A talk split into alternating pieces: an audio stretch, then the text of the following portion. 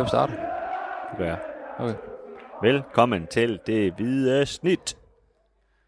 Særudgave. Det er nemlig rigtigt. En lille special. Mit navn er Dennis Bjerre, og lige ved siden af mig sidder Kim Robin Gråhed. Og vi, øh, vi har en kort arbejdsdag i dag, for vi har kun tænkt os at snakke øh, få minutter. Ja. Inden øh, vi har en øh, kollega, som overtager roret. For øh, første gang i den her lille podcasts historie, så, øh, så er der en anden, der kommer til at fortælle en historie. Øh, men det handler om, at øh, Oliver Ravn, han, øh, han har været så dygtig at, at begå en, øh, kan man sige, en lille slags dokumentar, hvor han har været nede og besøge Jens Jønsson, den øh, tidligere AGF'er, nede i Cadiz i, øh, i Spanien, hvor han spiller fodbold til daglig. Øh, og det øh, kan man sige, det har han produceret, og det øh, har vi så indvildt i at, at bringe i den her kanal, selvom at øh, det er en, kan man sige, en anderledes podcast, end, end den vi normalt laver. Øh, men vi håber, at, øh, at de lytter, I vil, øh, I vil synes om et, øh, et besøg ved, ved Jens Jønsson, som, hvor han jo både snakker om, øh, om AGF, men også om, øh, om det liv, han har levet efter AGF-tiden. Ja, jeg synes, det giver et, et, en podcast, der giver et, et fint lille indblik i, øh, i, i en Svensson som, som menneske og som, som fodboldspiller. Både, øh, der er nogle, nogle ting fra AGF-tiden, men også især efter han, øh, han forlod AGF. Så. Og vi skal selvfølgelig lige sige, at, at Oliver Ravn faktisk er, og det, det nævner han også flere gange i, i podcasten, er afsted bror til, til Jens Jønsson. De, øh, de har en connection der.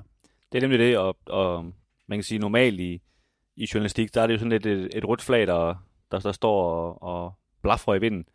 Øhm, men kan man sige, vi har ligesom, øh, ligesom sagt god for det også, øh, i forhold til den måde, det er lavet på, og også fordi, at, at øh, Oliver, han, kan man sige, han skilder med det flere gange, så det, bliver, det er ikke noget, der bliver, bliver gemt væk, og, og nu har vi jo øh, begge to øh, prøvet at interviewe øh, Jens Jønsson, dengang han var i AGF, og, og jeg er ret sikker på, at Oliver får mere ud af, af Jens, end, end øh, vi vil kunne gøre. Øhm, så, så på den måde øh, giver det mening, at det, er, at det er den måde, han er blevet øh, interviewet på. Ja, og jeg synes heller ikke, det er jo ikke, øh, det er ikke ryg, rygklapperi eller sådan, så havde vi nok øh, slået bremsen i i forhold til, til at bringe det. Jeg synes netop, at, at man kommer lidt tættere på Jens Jønsson, og øh, så kan vi godt se bort fra, at det, det er hans sted bruger for det. Han, han agerer som, som journalist øh, i den her podcast, og, så, så det, det er et ganske fint lille, lille portræt af, af Jens Jensen. Det er det nemlig. Og øh, ja, Oliver han kommer både forbi øh, noget løn, de snakker om i, i det store udland, som Jens Jensen har både været i Tyrkiet og, og i Spanien, og det er ikke altid lige nemt at få sin, øh, få sin løn, men hvordan han har taklet det, og så videre, og, og mange andre ting, og, og især også nogle, øh, nogle, kan man sige, de her mentale udfordringer, der er nogle gange ved at være i udlandet som øh, professionel fodboldspiller, hvor sådan den der dreng, der er inde i os alle sammen, vi synes jo nok bare, at det, det lyder da bare mega fedt, men, øh, men det kan også godt være lidt øh, ensomt at, at sidde derude. Det er lidt, lidt, lidt sjovt at høre blandt andet, øh, da han ligesom øh, ankommer til, til Konjasborg og, og skal skrive under på sin kontrakt, bliver præsenteret dernede. Det her, han fortæller, at han er til lægetjek og nærmest bare har lyst til at, at løbe sin vej. Altså, Jamen han siger, at den eneste grund til, at han ikke løber sin vej, det er, fordi der er en kameramand, der, der, ja. Der filmer det. Ja. Så derfor tænker jeg, så, så var jeg nok hellere ved med at bryde sammen, men ellers så, så var han egentlig bare det skrevet. var den her lille dreng fra Aarhus, der, der var kommet ud i den store verden og, og ikke rigtig kunne, kunne overskue, hvad det var, han har, han har sagt ja til. Og det, så tror jeg, der er mange unge fodspillere, der, der har haft den, stod i den situation. Så, men det, Jamen, jeg kan da huske, at den første arbejdsdag, jeg havde i, i den kiosk, jeg stod i som 15-årig, der havde jeg det på samme måde. Så, det, var, det var meget, meget, meget stort. så på den måde, Stor kan vi, verden. Der på den måde kan vi jo relatere alle sammen, ikke? Jo, jo, jo vi, ja, på, Til forskellige, på forskellige niveauer, ja. Ja, det må man sige. Jeg fik ikke lige så god løn for at stå i kiosken. Nej, men du arbejder garanteret hårdere. Men, det ved jeg sgu ikke. end de fleste Det synes jeg, var en hård beskyldning ja. mod Jens Jønsson. Men, øh. Nå, vi øh, har allerede talt alt for længe. Vi, øh, vi stiller over til, øh, til Oliver, som øh, har grebet øh, podcasten an på sin, egen, på sin egen måde, og det øh, får han lov til at fortælle herfra. Enjoy.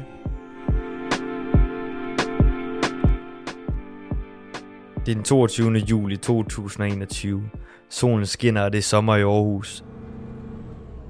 Jeg står på 18'eren inde ved Parkallé med retning mod Moskov Museum. Med mig i hånden har jeg min håndbagage og mit lydudstyr. Efter 5 minutters kørsel drejer bussen fra den trafikerede Marcelis Boulevard ind på den rolige Stadion på begge sider af alléen er der træer hele vejen ned til enden, hvor jeg lige kan skimte fire antikke søjler. Over søjlerne står der Sears Park. Jeg kan ikke se det, men jeg ved det. Så langt ned ad vejen når bussen dog ikke, for den drejer til højre ved Tivoli Friheden og stopper ved et busstoppested.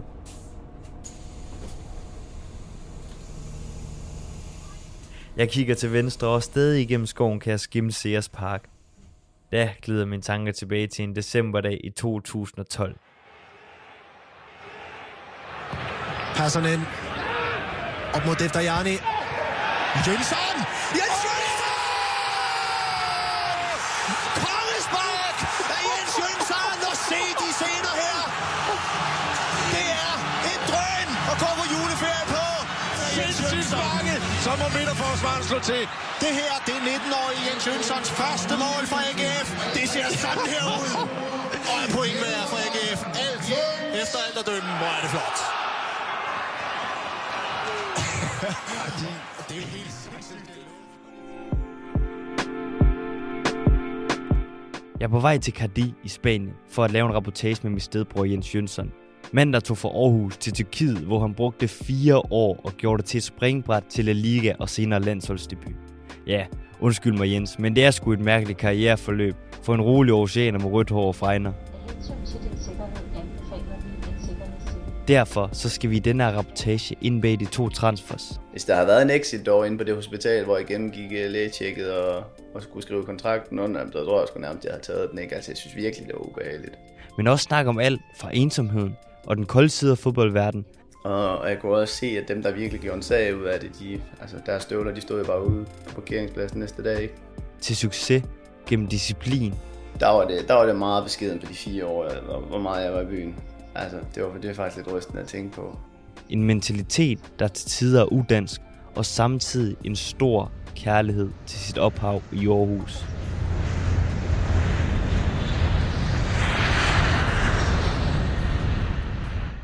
Mit navn er Oliver Bilberg Ravn. Velkommen til. Så vi kunne lige starte med at spørge, ved du godt, hvor mange gældende kampe du nåede at få for Konjasborg i de fire år, du var der? Jeg nåede i hvert fald at krydse øh, de magiske 100 kamp, så men jeg ved ikke, 100, 110 stykker. Du nåede for 119 Ja. gældende over fire sæsoner. Det er knap 30 per sæson.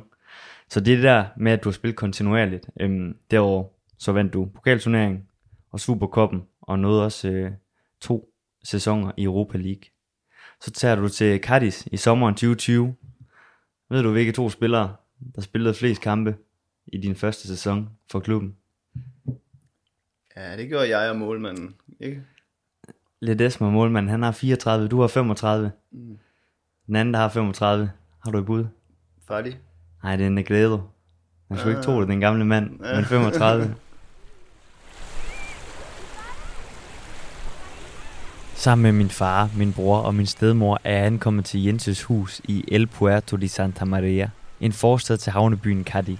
Flyveturen gik fra Billund til Malaga, hvorfra vi kørte mod vest langs kysten, gennem byer som danskerparadiset Fuengirola, og fortsatte i tre timer forbi blandt andet Gibraltar, indtil vi nåede så langt syd, som man stort set kan komme på det europæiske kontinents fastland. Det første år her i Spanien har, altså, det har været fantastisk. Jeg bor et fantastisk sted, i en fantastisk klub. Men jeg har jo ikke få en brøkdel ud af det øh, på grund af corona. Men Altså, vi har jo virkelig bare siddet faktisk i vores hus. Og i, i den her by, forstad, vi bor i. Øh, så der er jo sindssygt meget, og vi skal have, vi skal have oplevet, og sindssygt mange oplevelser, vi, vi har til gode, og vi skal ud og være sociale med nye holdkammerater og deres. Øh, corona selvfølgelig, det, det har vi jo ikke rigtig kunnet og måtte. Øh, så det glæder mig sindssygt meget, så vi har sindssygt meget at gå på der. Øh, men det er så, altså, til trods for, at vi ikke har fået det, så har det stadig været et fantastisk år. Men før vi kommer så langt, må jeg hellere sørge for at forholde den røde tråd og få lavet en passende kronologi i den her rapportage. Så efter lydudstyret er sat op i Jenses hjem, og vi kan sidde under aircondition med en kold kan vand og kigge ud på palmerne i 32 graders varme, formår Jens med en anekdote at indkapsle netop det, vi skal til at snakke om. Jeg spillede jo med, med Kim Aabæk i AGF, der var en fantastisk fodboldspiller, du ved, hvor der var jo der var jo ikke den træner, der ikke havde sagt til ham, man givet ham et kostprogram og sagt, du skal sove sådan, sådan, du skal ikke gå i byen og sådan noget, men som han sagde til mig, Jønne, jeg kan ikke spille, hvis jeg ikke har, har været i byen øh, to dage for inden, du ved, fordi jeg er ikke glad så.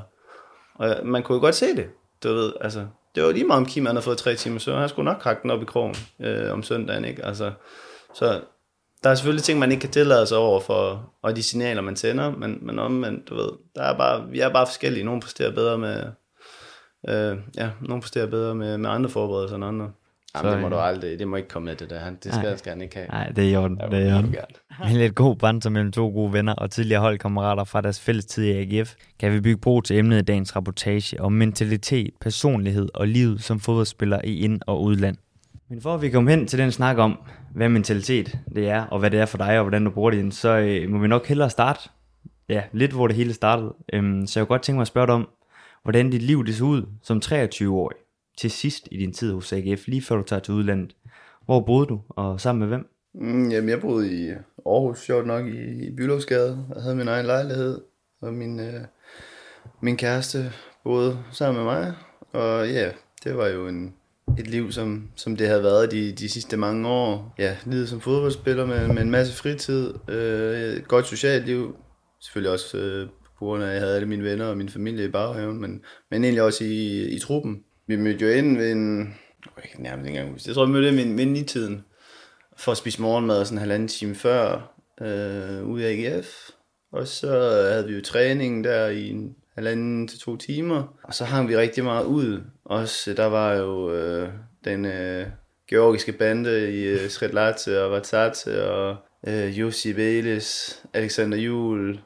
Vi, vi havde det rigtig, rigtig godt. Og du ved, sad og spillede FIFA flere timer efter, var, var i styrketræning, var på banen. Du ved, altså, vi, vi tilbragte virkelig rigtig meget tid derude. Øh, jeg tror, som fodboldspiller, der havde vi vel fri kl. 12, der var tit, hvor vi, vi var først hjemme ved 3-4-tiden, du ved, og gik på café efterfølgende og så videre. Øh, jeg synes, det var super, super fedt. Øh, noget, jeg egentlig også savner rigtig meget. Aarhus som by, hvad betyder den for dig, og hvad forbinder du den med, når du for eksempel som udlandsdansker har boet fem år i udlandet? Altså, Aarhus for mig er jo bare hjem. Altså, det er bare, ja, og det er vel også bare tryghed. Det ligger dybt i mig, og jeg ved, at du ved, det er altid der, jeg vender tilbage til- til. Men omvendt, så har jeg det også sådan, at det, det, det er egentlig ikke for at tage noget fra Aarhus, men du ved, jeg har den altid i baghånden. Jeg kommer til at bo der. Jeg kommer til at bo der største delen af mit, af mit liv, også når, når jeg er færdig med at spille fodbold. Men jeg vil gerne lige nå at prøve lidt andet. Hvad skal man sige, den oplevelse, alle mine venner havde i gymnasiet efter, efterfølgende med sabbatår og rejser til udlandet, der manglede jeg lidt noget. Øh, der havde jeg et lille tomrum, og så jeg, jeg havde sådan hånd i hånd med, med drømmen om at blive professionel i udlandet. Så også det der med at, at opleve en, en ny kultur, og opleve et andet land, og stå på egen ben, og sådan få sat benene lidt væk under sig. Så, så, så det, det var også sådan, sådan en ild, der brændte i mig. Mm. Så den 26. 26. august 2016, der øh, skifter du til Konya. Du er 23 år på det tidspunkt. Hvad vidste du om byen, før du sad med kuglepinden i hånden og skrev under på kontrakten? Jeg vidste absolut intet.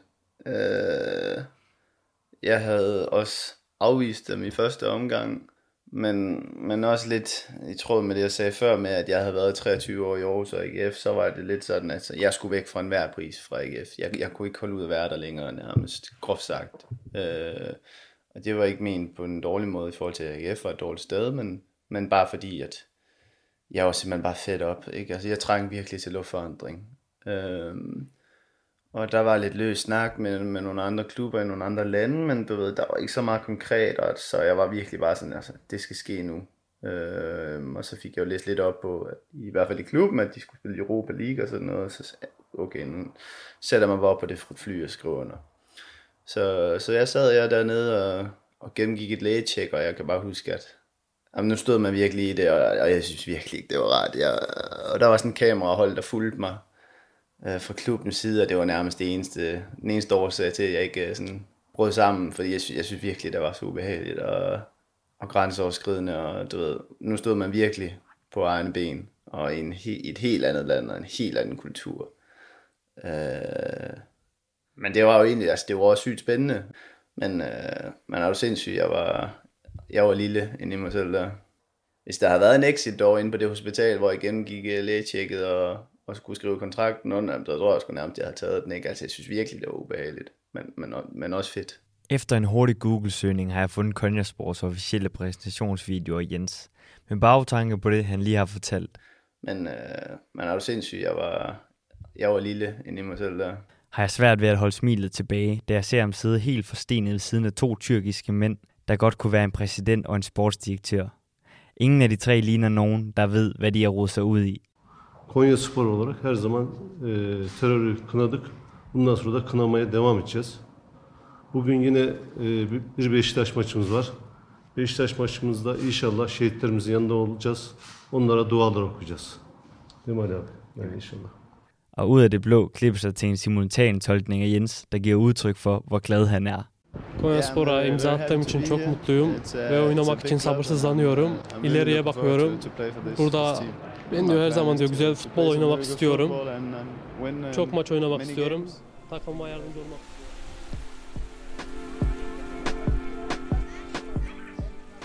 Det er selvfølgelig ikke uden grund, at jeg tillader mig at smile over, hvor lille Jens følte sig dengang. For spoiler alert, det ender jo med at gå rigtig godt. Så godt, at jeg kan gå her på stranden langs det azurblå vand i Sydspanien. 5 minutters gang fra hans hoveddør og undrer mig over, hvorfor det lykkes for Jens i Tyrkiet. Det første, jeg får lyst til at spørge ind til, er hvad han har at sige til enhver sofa-eksperts typiske indspark i debatten omkring en dansk fodboldspiller i udlandet, der mislykkes. Han skulle bare have været taget til Holland, eller en mindre klub først. Nej, men jeg tror ligesom du startede med at sige med, at det er virkelig, der er jo ikke nogen skabelon. Øh, for, for nogen, at, at det er, at det vil være det rigtige at tage til et trygt sted i Holland, og så er der for nogen, øh, hvor det vil være anderledes eller mere rigtigt at, gøre noget andet, ikke? Øh, I forhold til den der med, ja, som du selv nævner med, ah, at han skulle være taget til Holland, fordi øh, der vil han have spillet bedre, og de har rigtig god talentudvikling, og dit og datten, altså det giver jeg ikke altid så meget for. Altså, det er klart, at der er også nogle steder som Ajax, som har historien med sig, og, og virkelig har gjort det godt og sådan noget, men, men altså omvendt, hvis du skifter til en stor klub, altså du kommer til at træne med kanon gode spillere, og det, det er jo blandt andet det, der udvikler sig, så er jeg godt klar over kampene, det, det, det, det, det, det drejer sig om, men, men er du god nok, så kommer det også, og hvis du kan klare mosten, så altså, det kommer an på den enkelte spiller. Klart. Og vi, øh, vi kommer til at snakke om det her. Øh, nu må jeg lige prøve at holde den røde tråd. Fordi vi kom fra, tog til Konya. Ja. Øh, og du sagde, at du ikke er en skid om byen, da du skrev under. Mm. Nu sidder du her i Cadiz i Spanien, og du har brugt fire år i Konya. Kan du så med nogle ord øh, prøve at fortælle, hvad er det så for en by, du ender i, nu når du har været der i fire år? Jamen, det er jo en helt anden verden. Konya er et vildt sted på, på mange måder, og, og så øh, alligevel ikke, fordi der sker jo ikke ret meget. Men tilgangen til livet, tilgangen til tingene, at, altså det er, det, det, det er helt øh, med om en foretegn, havde jeg sagt. Og det var, det var super, super fedt at prøve. Lidt, lidt gammeldags tænkende, vil, vil jeg sige. Øhm, og ikke noget ondt om det. Der er ikke noget, der er rigtigt eller forkert i min bog. Øhm, de første to år, der elskede jeg det. De sidste to år, knap så meget. Der, der havde jeg fået nok. Men jeg synes, det var sindssygt fedt og sindssygt lærerigt, og aldrig noget, jeg ville være foruden. Hvis jeg sådan er lidt øh, mere konkret i forhold til mennesker, by, er der noget, du kan, nogle ord, du kan beskrive de mennesker, du kommer ned til? Nu tænker rigtig, jeg på, rigtig varme mennesker. Det synes jeg virkelig gennemsyrer. Altså, du kan jo møde en på gaden, og, og så vil han invitere dig hjem til, til middag og konen. Det, det er sådan, det vil aldrig ske i Danmark. Øh, der, det er noget til at sige. Der, der er vi mere kolde og, og lukket her, hjem- herhjemme i Danmark.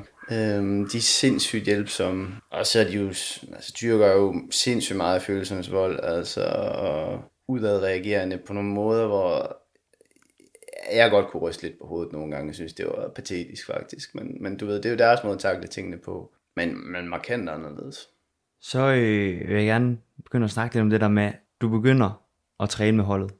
Vi har lige gået igennem dine statistikker for Konya. Du spiller 35 kampe for klubben i din første sæson. Det må på en eller anden måde vidne om, at du hurtigt vender dig ja, til niveauet, kommer ind på holdet, bliver fast mand, bliver en del af omklædningsrummet. Og for at forstå, hvad det kræver, så vil jeg gerne have en lille snak sådan den kultur, du lander i i forhold til klubben. Da jeg kommer der, er jeg jo, jeg er jo helt grøn. Øh, og der er spillere, der er bedre end mig. Og, og, og du bliver virkelig kastet for løverne, fordi de ser jo også en konkurrent. Og så havde du alle tyrkerne, og de står sammen. Selvfølgelig. Du har Balkan, de står i den grad sammen. Altså det er virkelig bare en, en gruppe, der, og de sviner folk til, der, og de er der så virkelig sig selv nærest. Øh, så du ved, der blev virkelig, altså man fik på munden, øh, og sådan, øh, der blev kørt på en. Og også når man ikke leverede og sådan noget. Øhm, så, så der lærer du også at, at få spidse albuer, og give igen og, og stå på egne ben. Det, det gav mig faktisk meget, og gør også en, lad mig sige sådan, jeg har altid haft det sådan, at man skal behandle folk ordentligt. Lige indtil de ikke behandler dig ordentligt, så får de æder med mig også, øh, ja, mm. igen, altså gå fra det på banen eller uden for banen. Mm. Øh, der lærte jeg lidt at få, at få nogle spidse albuer. Så noget basalt som sproget. Hvordan foregår det, når du begynder at træne med holdet? Altså i Tyrkiet, og der, der, der kan jeg godt tale for alle holdene, for det ved jeg, at der, der, det foregår på tyrkisk, fordi tyrkere snakker ikke kvæk engelsk. Øh, Største delen af dem i hvert fald. Så, så der er alt jo på tyrkisk fra trænerens side, og så har man, eller for klubben, to til tre tolke på, som jo går og oversætter alt. Altså selv under taktikmødet står de og snakker munden med træneren og oversætter fra, fra engelsk til dansk, og det samme med træningen. Og, øh, hvis du skal have lavet et eller andet øh, ned på det, der så svarer til borgerservice i Tyrkiet, eller på hospitalet, altså du ved, så har du en tolk med fra, der er ansat af klubben og står til rådighed med mere eller mindre 24 timer i døgnet. Øh, så det var da en, øh, altså, det var lidt af en, af en omvæltning også øh, med sproget. Så indtil videre, der ved vi, at du synes, det var, det var angstprovokerende at skrive under. Der er ikke nogen til træningen, eller udover tolkene, der taler engelsk. Hvordan, undskyld mig, fanden kan det så lade sig gøre, at du går ind og spiller 35 kampe i første sæson? Fordi det er jo tit, der film knækker for talenter, der skifter til udlandet. Det er, at man ikke kommer ind på holdet. Mm, ja, mm, altså... Jeg ved, jeg har jo altid haft det, jeg er jo, jeg er jo opdraget med hjemmefra, kan man sige, at, med at det kan sgu godt være, der, der er dage, hvor det virkelig ikke kører rent, rent fodboldmæssigt, men, men så kan du ud med med arbejde Øh, 500 procent, og så kan man ligesom se sig selv i øjnene den vej igennem. Så, så har man ligesom altid lagt fundamentet for en præstation. Og det, det tror jeg også mange trænere ligesom har, har sat pris på. Og derfor også altså, valgt mig gentagende gange. Men altså i forhold til det første år, det er, altså, så jeg gjorde jo mit, og, og træneren kunne godt lide mig og, og min måde at spille på, og synes, synes jo egentlig bare, i bund og grund, jeg var bedre end alternativet. Men vi delte jo, vi havde jo rigtig mange kampe det år. Altså vi spillede med i tre turneringer, vi, øh, vi spillede hver, hver tredje, fjerde dag. Så der var jo meget rotation. Altså, så det var egentlig ikke sådan, at min konkurrent ikke fik kampe. Han fik måske 25 kampe. Altså, så, mm. så der har jo været rigeligt. Du siger, at du også kan ryste på hovedet af tyrkerne. Altså, er der også noget i det, i forhold til, hvordan man håndterer andre kulturer? Ja, men det er der da nok jeg vil egentlig sige sådan i forhold til min første sæson, at det faktisk, det var uden sammenligning i min, i min optik, min dårligste sæson. Altså rent øh, spillemæssigt, rent kvalitetsmæssigt. Øh, der, jeg var der bare, du ved, jeg gjorde det fint nok, men, men jeg synes, jeg spillede ikke godt. Og, og jeg kan egentlig huske sådan, at, at, at jeg sagde til mig selv sådan i anden sæson, du ved, nu, nu har du været der et år, og det var fint og sådan noget, men, men nu skulle du ikke bare være der, nu, nu skulle du også gøre det indtryk og sådan noget. Øh, og, og det gjorde jeg så egentlig faktisk derfra. Så fik jeg en, vi fik en ny træner i anden sæson, og han var, mildt sagt, elendig. Og for så derefter øh, min tredje træner den sæson, øh, mens jeg er skadet, og kommer så tilbage, og så siger han nogle hurtigt til mig, at, altså, jeg, har en, jeg har en fast defineret rolle til dig, og altså, han havde meget fokus på mig. Øh, og derfra føler jeg faktisk ikke rigtigt, at jeg så mig tilbage der. Og jeg føler, han virkelig kickstartede min, min karriere. Ikke bare ikke min karriere i Tyrkiet, men faktisk sådan min karriere generelt. Øh, og, og derfor synes jeg virkelig, at, at jeg udviklede mig som spiller. Jeg så stort set alle Jenses kampe, mens han spillede i Tyrkiet. Det var spændende at følge netop den udvikling, som man lige har beskrevet. Jeg kan tydeligt huske en kamp i hans tredje sæson, hvor han erobrer bolden på egen banehalvdel, mens modstanderne står højt. Og han simpelthen oversprinter mod og medspillere for så at løbe ind i feltet og sætte bolden i kassen. Atiker Konyaspor farkı ikiye çıkarıyor. Kazandı, top aldı, götürdü, sürükledi, golünü attı. Fark 2. Konya'da Atiker det mest bemærkelsesværdige er næsten attituden, da han har scoret. Mål bliver fejret med et aggressivt brøl og to knyttede næver ud mod holdets ultras. På det her tidspunkt er der langt fra mødelokalet, hvor Jens sad for stenet under kontraktunderskrivningen. Han har nu bevist, at han ikke blot kan være med ind på banen, han kan faktisk dominere. Men før vi forlader Tyrkiet og flyver til tiden i La Liga og Spanien, så er der lige to ting, der foregår uden for banen i løbet af de fire år i Konya, som han bliver nødt til at forholde sig til. Såsom løn. Åh, den skide løn. I forhold til mit kendskab til dig og igennem vores relation, så ved jeg også, at du finder dig ikke i noget, øh, men samtidig så har vi også snakket om det der med, at der er også noget med, når man lander i en kultur som Tyrkiet, at man skal kunne sige igennem øjnene med nogle ting. Du har selv været citeret for, jeg tror det var et tipsblad interview, det der med, at hvis man lader være med at brokke som den første i Tyrkiet for eksempel, så kommer man også ja, lidt hurtigt over problemerne, fordi i bund og grund er de okay mennesker. Ja, men jeg tror, der er forskel på...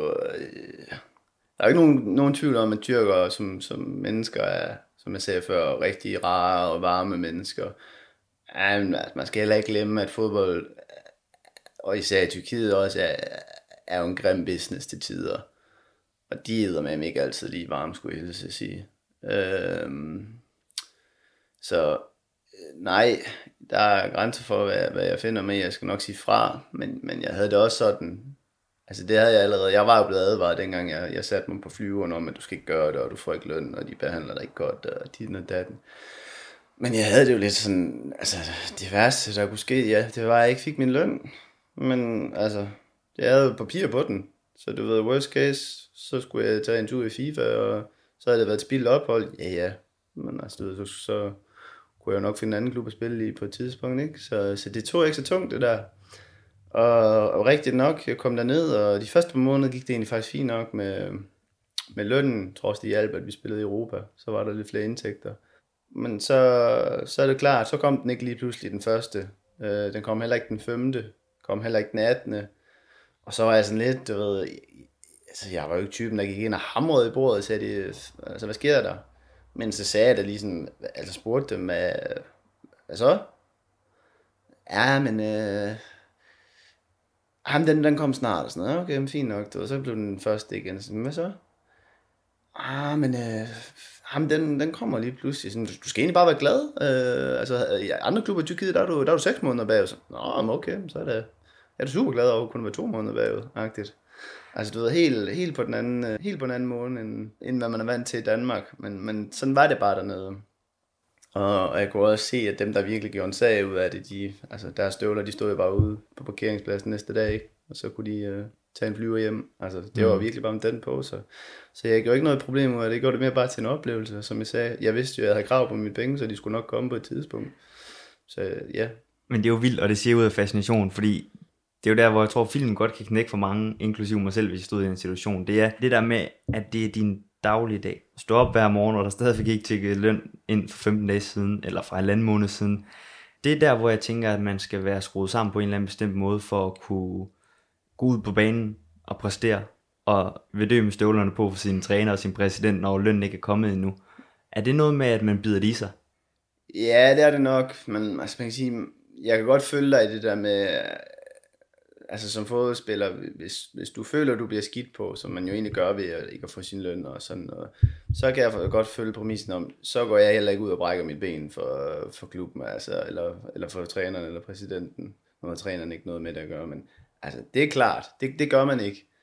Øh, omvendt, så, øh, så tænker jeg, og det tænker jeg langt de fleste fodboldspillere gør, er jo altid, altså, så, så tænker man jo på sig selv, og på sin karriere, og at man jo ikke er færdig. Man vil jo gerne videre til en bedre klub, til en bedre kontrakt i et, et bedre sted. Øh, så, så du, har jo, du er nødt til at bare fokusere på hver dag at blive bedre, på at præstere bedre næste søndag, øh, så, så det forhåbentlig kan, kan gå i opfyldelse. Så, så man er jo nødt til at lægge det fra sig. Noget Jens også bliver nødt til at lægge fra sig som fodboldspiller, der flytter til den anatolske højslette, det er familielivet. Tiden med sine venner og sin kæreste.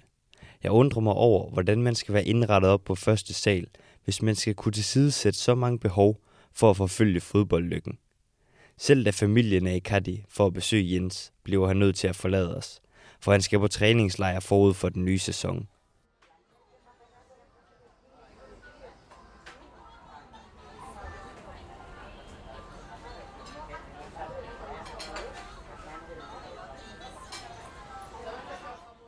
Samme dag går min bror Emil og jeg en tur ned til havet. På vejen derned går vi forbi det lokale torv, hvor ældre såvel som yngre sidder i skyggen og holder siesta. Humøret er vældigt, og jeg smiler til en sommerbrun spansk dreng, der sidder med sin iPad og sin far, der sidder og nyder en cerveza. Jeg kigger på torvet, palmerne, de legende børn, der spiller bold, og dagdrømmer mig frem til en tilværelse som fodboldspiller i La Liga. Jeg kigger på min bror, siger til ham med et smil på læben, man skulle dele med at være blevet professionel fodboldspiller. Han svarer mig, du har jo aldrig haft, hvad der skal til. Slet ikke ind på banen, men heller ikke udenfor.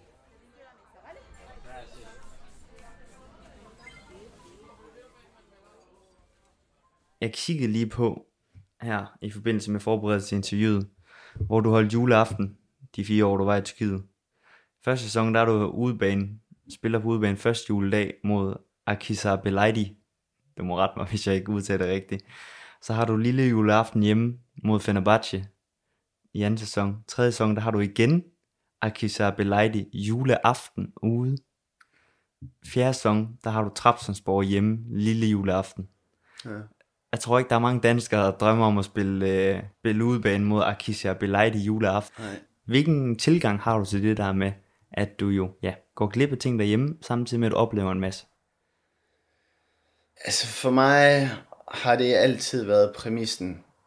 Øh, tilbage til dengang i hvad, 7. klasse, man begyndte at, at feste og, og drikke alkohol og din og datten. Altså, det, det, det kan du jo bare af indlysende årsager ikke i, i samme omfang. Øh, gymnasiefesterne, fredagsbaren, du ved, altså kæft for ham siddet mange gange og bare kigget i en time, og så når alle folk de blev pivstive, så man sidder der som den ædru lokale og tænker, hvad fanden laver jeg her? Og det har man da altid været træt af, og jeg kan da også godt sidde og, og tænke nu, hold kæft, jeg vil gerne have, altså have nyt min gymnasietid noget mere, hvad det angår, og, men, men for mig har det aldrig kunne måle sig med, med de oplevelser, jeg ville få med fodbolden, og har også altid haft sådan, altså, lurer mig om, når jeg stopper som 35 år, om jeg ikke også har 15 gode år i mig bagefter, minimum, så, hvor jeg kan have fest og ballade med, med familie og venner, ikke? Altså, det skal nok komme, og altså, ja, altså, fredag, hver fredag ude og ind og sidde og drikke det samme med de samme mennesker på, hvad hedder det, Coupé i Aarhus, eller på, øh, jamen, hvad fanden hedder det nu, Lulu, og det der, ikke? Altså, jo, det er jo sjovt i, i momentet, ikke? Men når alt kommer til alt, så er det jo fordi man, man går glip af det hele store.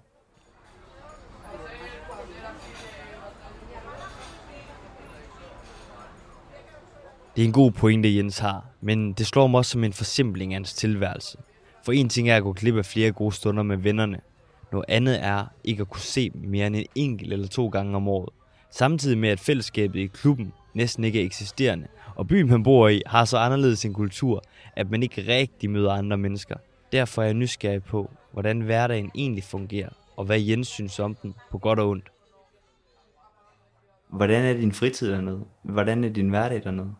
Altså, hvis den i, i Aarhus var trivial til sidst, så ved jeg ikke, hvad jeg vil sige den var der, fordi det var virkelig det samme dag ud der en stort set.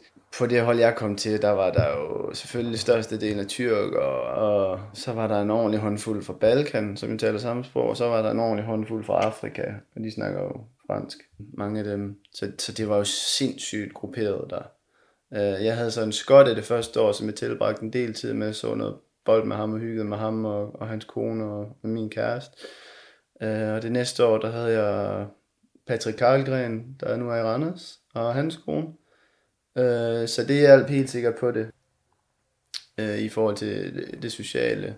Men ellers så var det jo meget, man, man tilbragte jo rigtig meget tid selv, og med min kæreste selvfølgelig.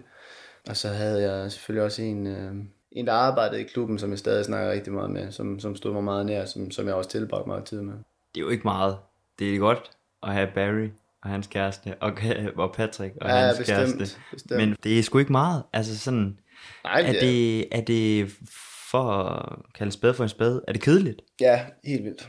Uh, sindssygt kedeligt. Uh, Og nu snakker vi altså fire år af dit liv. Ja, ja, men, men, det, men altså, man kunne godt gøre det anderledes. Øh, Jeg, har, jeg havde det bare meget sådan, at det er ikke noget mod dem. Jeg snakker stadig med, med mange af dem, og skriver med dem og, og så videre, men, men jeg, jeg havde det også sådan, at de sagde mig ikke noget. Altså kulturforskellen var simpelthen for stor, og interesserne var, var der ikke, og så, så jeg gad ikke øh, på samme måde, og hvad skal man sige, det var ikke fordi jeg ikke bidrog til, til noget, det gjorde jeg, og ved, de kan godt lide mig, jeg kan godt lide dem, men, men jeg kunne også hurtigt mærke, okay, det der, det bliver ikke, jeg kommer ikke til at tage flyveren øh, om fem år ned for, for at besøge nogle af dem der, du ved, altså det, det, det kommer ikke til at ske, kun med, med en af dem. Og ja, så er jeg som type også bare indrettet sådan, så gider jeg, jeg gider ikke gøre noget bare for at gøre det. Altså, der skal sgu være en mening med det, så, så har jeg sgu mere glæde i, i noget andet. Så ja, det var sindssygt Altså det sidste, det sidste år, jeg er der, der tager min øh, kæreste hjem og, og gør sin uddannelse færdig, fordi vi vidste, vi skulle væk. Altså, vi kunne ikke være, være der længere. Og der var ikke noget for hende der. Altså, hun har været der i små tre år der, og hun kunne heller ikke mere. Så det sidste år er, er jeg jo alene, og jeg sidder jo... Altså, jeg er jo nok i København hver anden uge det første halve år. Og det, vi snakker, selvom jeg kunne nå at være der i 14 timer, så tog jeg bare en flyver fra Konya til Istanbul, Istanbul, København. Bare for lige at kunne være der og få noget luftfart. Jeg fik simpelthen ikke holde ud og, og være der længere. Jeg, jeg, jeg, jeg gad det ikke. Jeg skulle bare væk. Øhm, så, øh, så indtraf øh, corona, og jeg, jeg lyver faktisk ikke, hvis jeg siger, at jeg i fire eller fem måneder ligger og kigger ind i en væg. Det var frygteligt. Kan vi snakke om sådan, hvor, altså ensomhed, hvordan påvirker den der psykisk? Mm, altså det vil være løgn at sige, det ikke, det ikke fylder, det ikke påvirker mig, men men jeg har også altid haft det sådan, altså at altså fodbold er mit arbejde. Det, det er godt nok et arbejde, jeg elsker ud over alt. Jeg vil aldrig være det for uden og sådan noget, men du ved, jeg committer mig også. Altså det, jeg er der for at yde en ydelse. Det er det, jeg bliver betalt for. Øh, og så har jeg egentlig altid lidt haft den tilgang, at så kan du altså, sætte mig i Sibirien, og jeg, og jeg skal nok gøre det, og det er det, der er mit fokus, som jeg sagde før. Det er på at blive en bedre fodboldspiller, i håb om, at min næste kontrakt er et bedre sted, i en bedre klub, øh, i en bedre liga med en bedre løn. Så, så på den måde, så, så har det bare altid været en del af det for mig. Øh, jeg vil da elske at bo i London, leve livet med de fedeste holdkammerater og venner for livet og sådan noget, men, men jeg er jo bare realistisk og, og kan jo godt se, at det er ikke nødvendigvis sådan, det bliver. Og som jeg siger, jeg, jeg, jeg er ansat til at, at yde på, på banen, og det, det, det, det er mit fokus har været. Så, så det er egentlig, jo, jeg drømmer om det andet, og vil da sætte pris på det, men det var ikke lige der. Og spørgsmålet var, om det nogensinde kom. For efter det forsømte forår med corona, hvor ensomheden ramte og alle synes trist i Konya, stod Jens med en udløbet kontrakt, da sommeren meldte sin ankomst. Det betød, at Jens også meldte sin ankomst på mit værelse i barndomshjemmet. Sommeren bød atter på uvidshed omkring fremtiden, livet og hvad fodboldkarrieren kunne drives til. Det betød et gensyn med AGF's træningsanlæg på Fredensvang, hvor han for en stund trænede med holdet. Dagene gik, og pludselig dukkede der en præsentationsvideo op i mit feed. På det tidspunkt havde jeg ikke hørt en skid om noget som helst.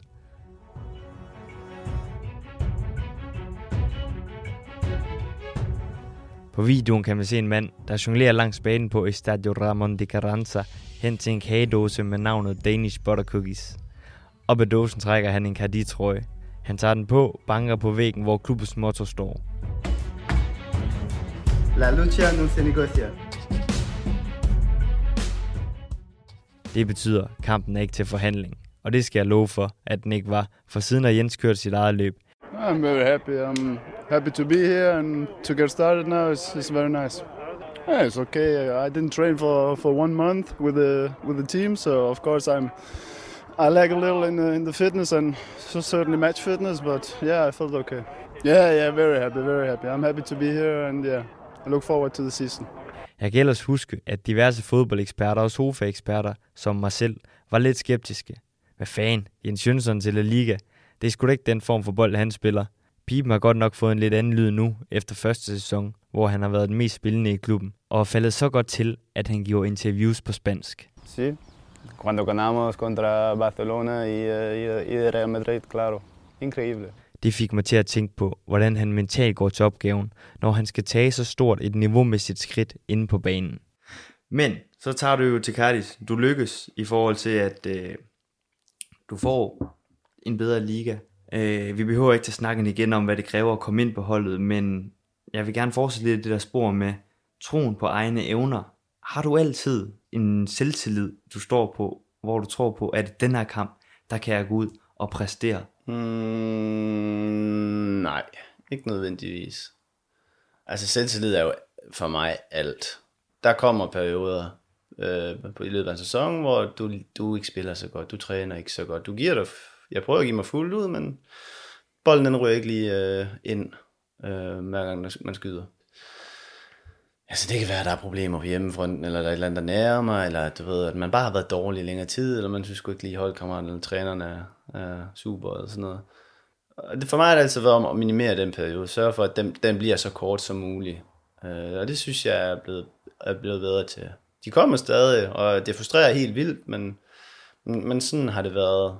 Jeg vil egentlig sige, sådan, jeg har som regel selvtilliden øh, 90, 95% af tiden, men så er der også de 5-10% af tiden, hvor, hvor jeg ikke har det. Så er det mere at finde tilbage i, i det andet. Er du din egen største kritiker? Ja, 100%. 100%. Og øh, i at være hård ved sig selv, der kan det også godt komme, at man kan nedbryde sig selv. Hvordan er det en balance? Jamen, jeg ser som regel min, min kampe øh, igen, og, og kigger jo efter, hvad, hvad jeg kunne have gjort bedre i, i den pågældende situation. Og men så, så er der jo også, der er jo nogle fejl, der ikke behøves at, at analyseres. Det var jo bare dårligt, eller du ramte bolden dårligt, ikke? Øh, jeg synes også, man skal passe på nogle gange med at overanalysere på ting i, i fodbold. Det, det er der nogen, der godt kan have en tendens til. Men for mig at se, er det egentlig bare om hurtigt at komme videre, hvis, hvis tavlen ren. Og så selvfølgelig lære sin fejl, for der er jo i 90% tilfælde noget at lære, ikke? Mm, klar. For så er nogen, der er ikke inde i fodboldverdenen og kender livsstilen, så hvis vi skal prøve at komme lidt ud over klichéen med at leve et professionelt liv. Nu bor du her i Spanien, du har dit liv og din tilværelse med din kæreste og din bolig og din træning og sådan noget. Helt konkret, hvilke valg har du selv, du kan tage, hvor du kan dreje og skrue på knapperne i forhold til at toppræstere? Jamen, jeg er jo, alt efter hvordan du ser på det, så er jeg jo super fri og super privilegeret og kan gøre lige hvad jeg vil. Og samtidig så er jeg et af de mest låste mennesker kan faktisk ikke gøre noget som helst, det jeg gerne vil, og er, er fanget-agtigt. Altså det er jo sådan, jeg kan jo i teorien godt gøre alt, så længe jeg bare kan præstere på søndag. Og så længe jeg selvfølgelig møder ind hver dag til træning klokken, klokken 9.30 og, og, er, og er klar. Og der er vi jo meget forskellige. Der er jo nogen, der kan øh, spise fem magnum og fem Mars bare inden de går på banen og, og levere en super præstation. Så er der nogen, der skal leve af salat og pasta. Øh, og der er nogen, der skal have øh, 10 timer søvn. Øh, og der er nogen, der skal have 4 timer. Og, og spiller videospil hele natten, ikke? Altså der er vi jo sygt, sygt forskellige. Alfa Omega er jo bare, at du skal præstere søndag, og at du skal kunne øh, selvfølgelig overholde de forpligtelser, du har i hverdagen i forhold til træning og så videre. Og 99% af alle hold har jo også regler i forhold til fedtprocent. Så på den måde, så har jeg jo sygt meget frihed og privilegeret, og, og, og alligevel ikke, jeg kan jo ikke bare lige tage et smut til Madrid eller København eller Aarhus, hvis det er det, jeg gerne vil. Jeg kan jo ikke bare lige tage hjem til øh, mors 50 års fødselsdag, så frem den ikke lige falder på en fridag, vel? Altså, du ved, man er jo også sindssygt låst, og som vi snakker før, går glip af meget på, på den øh, bekostning. Og hvis vi så her til allersidst går op i helikopterperspektivet, du har jo også haft sindssygt mange medspillere, og haft sindssygt mange mennesker, du kan kigge på i forhold til, hvordan lever de deres professionelle fodboldliv. Så du må også have gjort dig nogle erfaringer siden første dag, du rejste ud til Konya, har været der fire år og tog herhen. Hvordan lever du dit liv i dag i forhold til i starten af din fodboldspillerkarriere? Jamen, jeg lever faktisk mere loose øh, nu, og vil nok ønske, at jeg havde gjort det tidligere. For tidligere led jeg meget striks, hvad angår kost, øh, hvad jeg synes, jeg selv kunne tillade mig, sådan noget. Der har jeg fået meget mere loose øh, forhold til ting, og meget mere afslappet. Spiser, hvad jeg vil, gør, om ikke hvad jeg vil, gør øh, flere ting, tager mig flere friheder. Øhm, og har jo ligesom set, at det har ikke øh, forringet min præstation, tværtimod. Øh, men igen, vi, vi er super forskellige. Når man øh, er fodboldfanatiker og læser en masse selvbiografier om nogle flamboyante spillere, det kunne være, det var Bender selvbiografi, som jeg ved er sommerlæsning for mange danskere. Altså der er det jo også en del af det der med den konstante kamp imellem at tage ud og drikke og feste i hverdagen, når man mm. lige har en mm. fridag og sådan noget. Men, og nu begynder jeg at, og hvad skal man sige, gisne og sådan noget, men er det fordi, du måske har tilrettelagt dit liv med, det ved jeg ikke, altså du har en kæreste, som du har haft i lang tid, og som du er rigtig glad for, at det er sådan nogle ting, der gør, at du rent faktisk kun fokuserer på fodbolden, det er også en del af fodboldlivet, det der med, at der er penge, der er, i hvert fald hvis man ved det, fest og farver. Mm, altså nu, i AGF gjorde jeg, gjorde jeg det jo stadig en del med måde, altså i det omfang, man kunne tillade sig det, hvis, hvis man havde vundet en kamp, hvis man nu spillede om fredagen, og, og det gik godt, og man først skulle spille øh, næste søndag, ikke? Øh, det gik nok ikke, hvis man havde en, en mandagskamp eller tirsdagskamp, men, men, men så var vi jo også ude af hammer hele natten. I Tyrkiet var det lidt anderledes, især fordi det var ikke lige en by, man gik i byen i, det der. Øh, der var det, der var det meget beskeden på de fire år, øh, hvor, hvor meget jeg var i byen. Altså, det var, det var faktisk lidt rystende at tænke på. Og så øh, nu vil jeg jo sindssygt gerne, men øh, kvæg corona, så, øh, jamen, så er det jo faktisk, det er jo nærmest to år siden jeg sidst har været i byen. Ikke? Det, er jo, det er jo også helt surrealistisk at tænke på. Men altså, for at tilbage, jeg, jeg sætter jo stadig sygt meget pris på de ting. Jeg har altid gjort det med måde, men jeg tror, der er folk, der kender mig, de vil sige, at når jeg først er i byen, så, så er jeg det også. Der var vi faktisk meget, da vi gik på katten. Ja. Det er også rigtigt. Kattested, det er også så bedre end den der. Så derfor slutter den her rapportage, en Aarhus Special, om den fuldt ud professionelle ligaspiller med en snak, som en hver anden oceaner i 20'erne har med sine venner. Nemlig, hvilke bare ved åen, der er værd at besøge. Bodegaen, den er det er vores fløj. Men der er jeg virkelig elsker sådan nogle steder. Jeg elsker det. Jamen, det, jeg kan egentlig også godt, jeg synes også, det er charmerende, og det er sjovt, men, men jeg synes bare på bodegaen, der er jo ikke gang i den. Folk de sidder bare helt øh, inde på Der deres er bord. det der- Isoleret. Ja, Der så- er jo ikke noget fællesskab. Det er sådan en mellemvej, fordi det er ikke en bodega. Det er sådan en halv bodega. Det er jo fucking er. Tusind tak til Dennis Bjerre og Kim Robben Gråhed for at udgive den her sammen med mig, og også stort tak til Aarhus Stifttidene. Den her podcast den er blevet tilrettelagt, produceret og klippet af mig, din vært, Oliver Bilberg Ravn.